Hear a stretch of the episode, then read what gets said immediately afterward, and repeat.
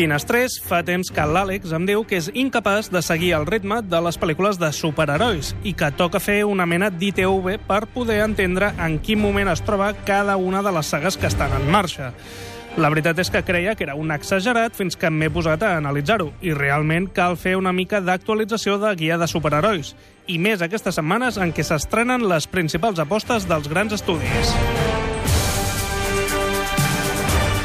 He dividit la guia en tres grans blocs, el bloc Marvel, el bloc DC i el bloc de la Fox. A veure si ens en sortim en explicar una mica com estan les coses a cadascun d'ells. No es el Consejo de Seguridad, ni es SHIELD, ni Hydra. Ya, pero las dirige gente con planes ocultos y esos planes cambian. Sí, perfecto. Por eso estoy aquí. Cuando vi lo que mis armas podían causar en manos equivocadas, eché el cierre y dejé de fabricarlas. Tony, eso es algo que decidiste tú. Al firmar esto renunciamos a poder decidir.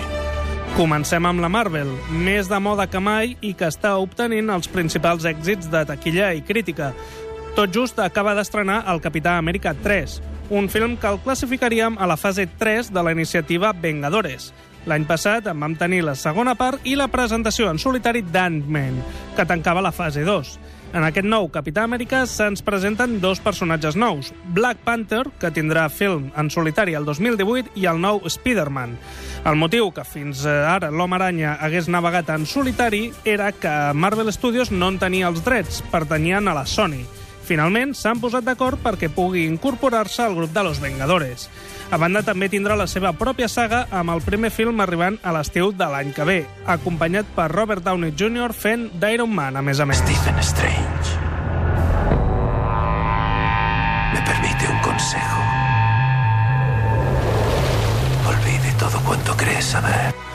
Un dels pocs personatges emblemàtics de la Marvel que encara no ha estat presentat és Doctor Extraño. Benedict Cumberbatch interpreta aquest magnífic element que estrenarà el seu film a finals d'aquest any.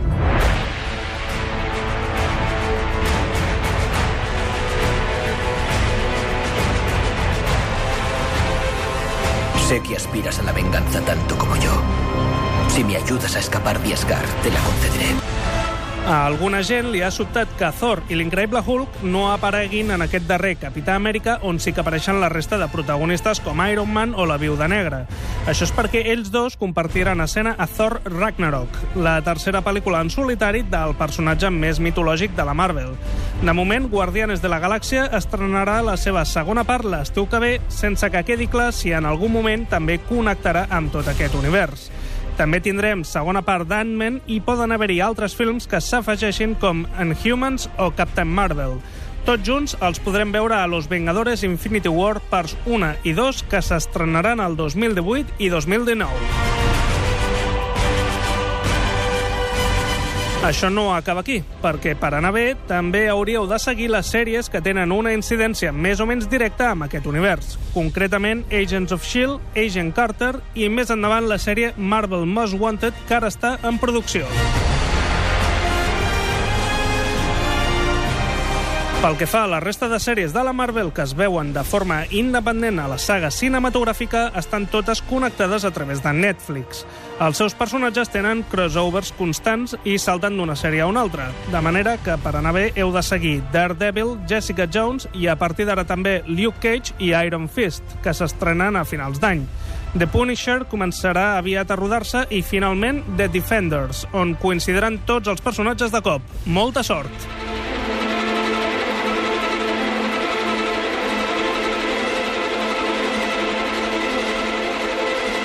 Mayor lucha de gladiadores de la historia.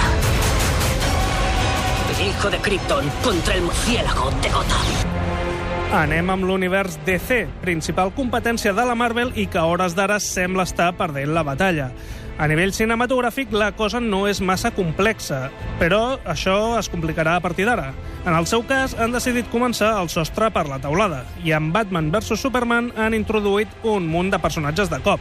Tots ells, Superman, Batman, Aquaman, Flash, Wonder Woman, es veuran les cares novament a Justice League of America, que estrena la seva primera part a finals del 2017 i una segona al 2019. Quiero formar un cuerpo especial con las personas más peligrosas del planeta. Son tipos malos. Lo peor de lo peor. Deadshot, este tío se carga a la gente.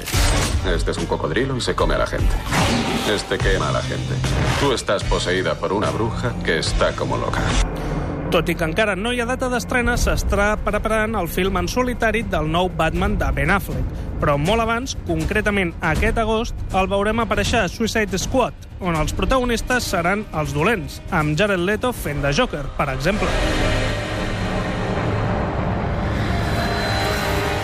Pel que fa als personatges en solitari dins d'aquest mateix univers, a Wonder Woman la veurem l'estiu que ve ja, però haurem d'esperar fins al 2018 per veure els films de The Flash i Aquaman. El 2019 arribarà Shazam, amb Dwayne Johnson, i encara haurem d'anar més lluny, el 2020 per veure Cyborg i Linterna Verde, el que suposo que li han volgut donar tot el temps possible perquè s'oblidés la traumàtica primera adaptació que va tenir.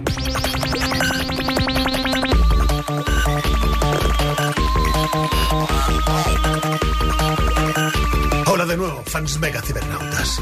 He oído que habéis petado la tuitesfera con mi nuevo peliculón, Lego Batman, la película. Bueno, es más o menos como la primera Lego película, pero más alucinante, claro, porque gira totalmente en torno a mí. Bé, ja ho heu sentit. No té res a veure amb tot això, però fins i tot els responsables de la Lego pel·lícula han decidit tirar de Batman pel seu següent film d'animació. En aquest cas, òbviament, en clau de comèdia i amb l'estrena prevista a principis del 2017. Afortunadament, per ara, encara no hi ha connexió entre cap sèrie i l'univers cinematogràfic de DC, però sí que tenen moltes connexions entre elles, de manera que, si voleu estar al dia, heu de veure Arrow, on també hem vist moltes vegades aparèixer The Flash, per ara l'únic personatge que apareix en els dos universos, però interpretat per actors diferents. Si seguiu Arrow i The Flash, també heu de veure Legends of Tomorrow. Spin-off estrenat aquest any amb els antiherois apareguts en aquestes dues sèries. La cosa encara es complica més, ja que Flash ha aparegut també a un capítol de Supergirl, la sèrie sobre la cosina de Superman que emet la CBS. I per acabar, un nou Batman, el de Gotham, la sèrie barra preqüela de la Fox que parla de la infància de Bruce Wayne i dels esforços del comissari Gordon per atrapar joves delinqüents com el Pingüí o el Joker novament. I el tercer bloc és el de la Fox. La Fox té els drets de personatges tan importants de l'univers Marvel com els Quatre Fantàstics i X-Men, i no els deixa anar per res del món. No tienes ni idea de lo que está por llegar. ¿Qué está por llegar? La muerte. El fin de vuestro mundo es el principio del mío. Es más fuerte que nosotros. No más que todos juntos. Sobre els Quatre Fantàstics, poc a comentar. Es va intentar l'estiu passat llançar una nova saga i el fracàs va ser tan gran que ara mateix, fet insòlid pels dies que corren, no saben què fer amb uns personatges que tenen moltíssima tirada però que no els ha donat més que disgustos fins ara. Està clar que tard o d'hora tornaran a intentar-ho. Le llamaban Apocalipsis. Era una especie de dios. Durante miles de años ha reclutado mutantes para arrebatarles sus poderes. Tenía cuatro seguidores. Como los cuatro jinetes. Eric, no te unas a ellos. La saga X-Men és un univers en si mateixa. Va tenir una primera trilogia amb Hugh Jackman, Halle Berry i Patrick Stewart. A l'acabar aquella saga, van tirar anys enrere i van decidir explicar l'origen d'aquests personatges. En aquest cas, amb Michael Fassbender, James McAvoy o Jennifer Lawrence. El primer film va ser X-Men Primera Generació, però a la segona, Dies del futuro pasado, la cosa es va complicar, perquè utilitzant els efectes de viatges en el temps, van barrejar actors de la primera trilogia i actors de la segona. Aparentment, en aquesta tercera entrega que s'estrena ara, Apocalipsis, tornem només a la versió més jove dels personatges, exceptuant a Lobezno, el que interpreta Hugh Jackman, que pel seu caràcter immortal apareix en totes.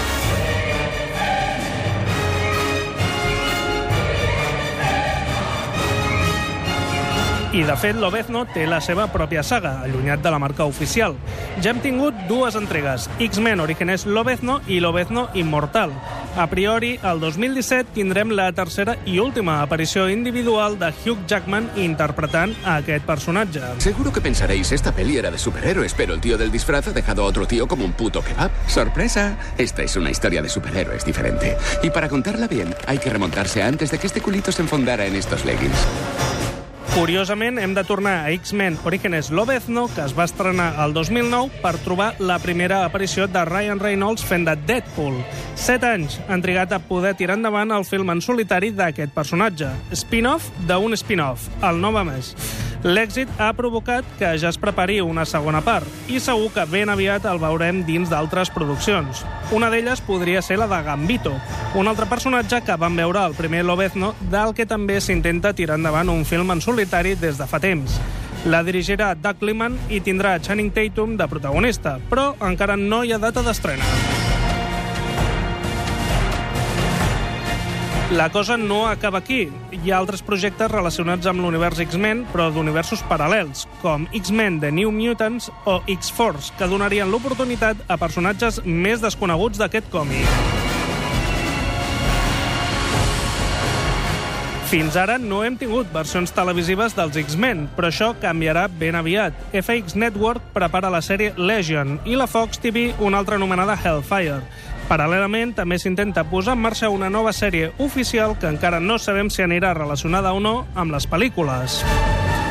Fins aquí, Finestrés. No sé si hem aclarit dubtes o n'hem afegit més, però està clar que aquesta bombolla dels superherois s'està descontrolant i algun dia farà un pet que t'hi cagues.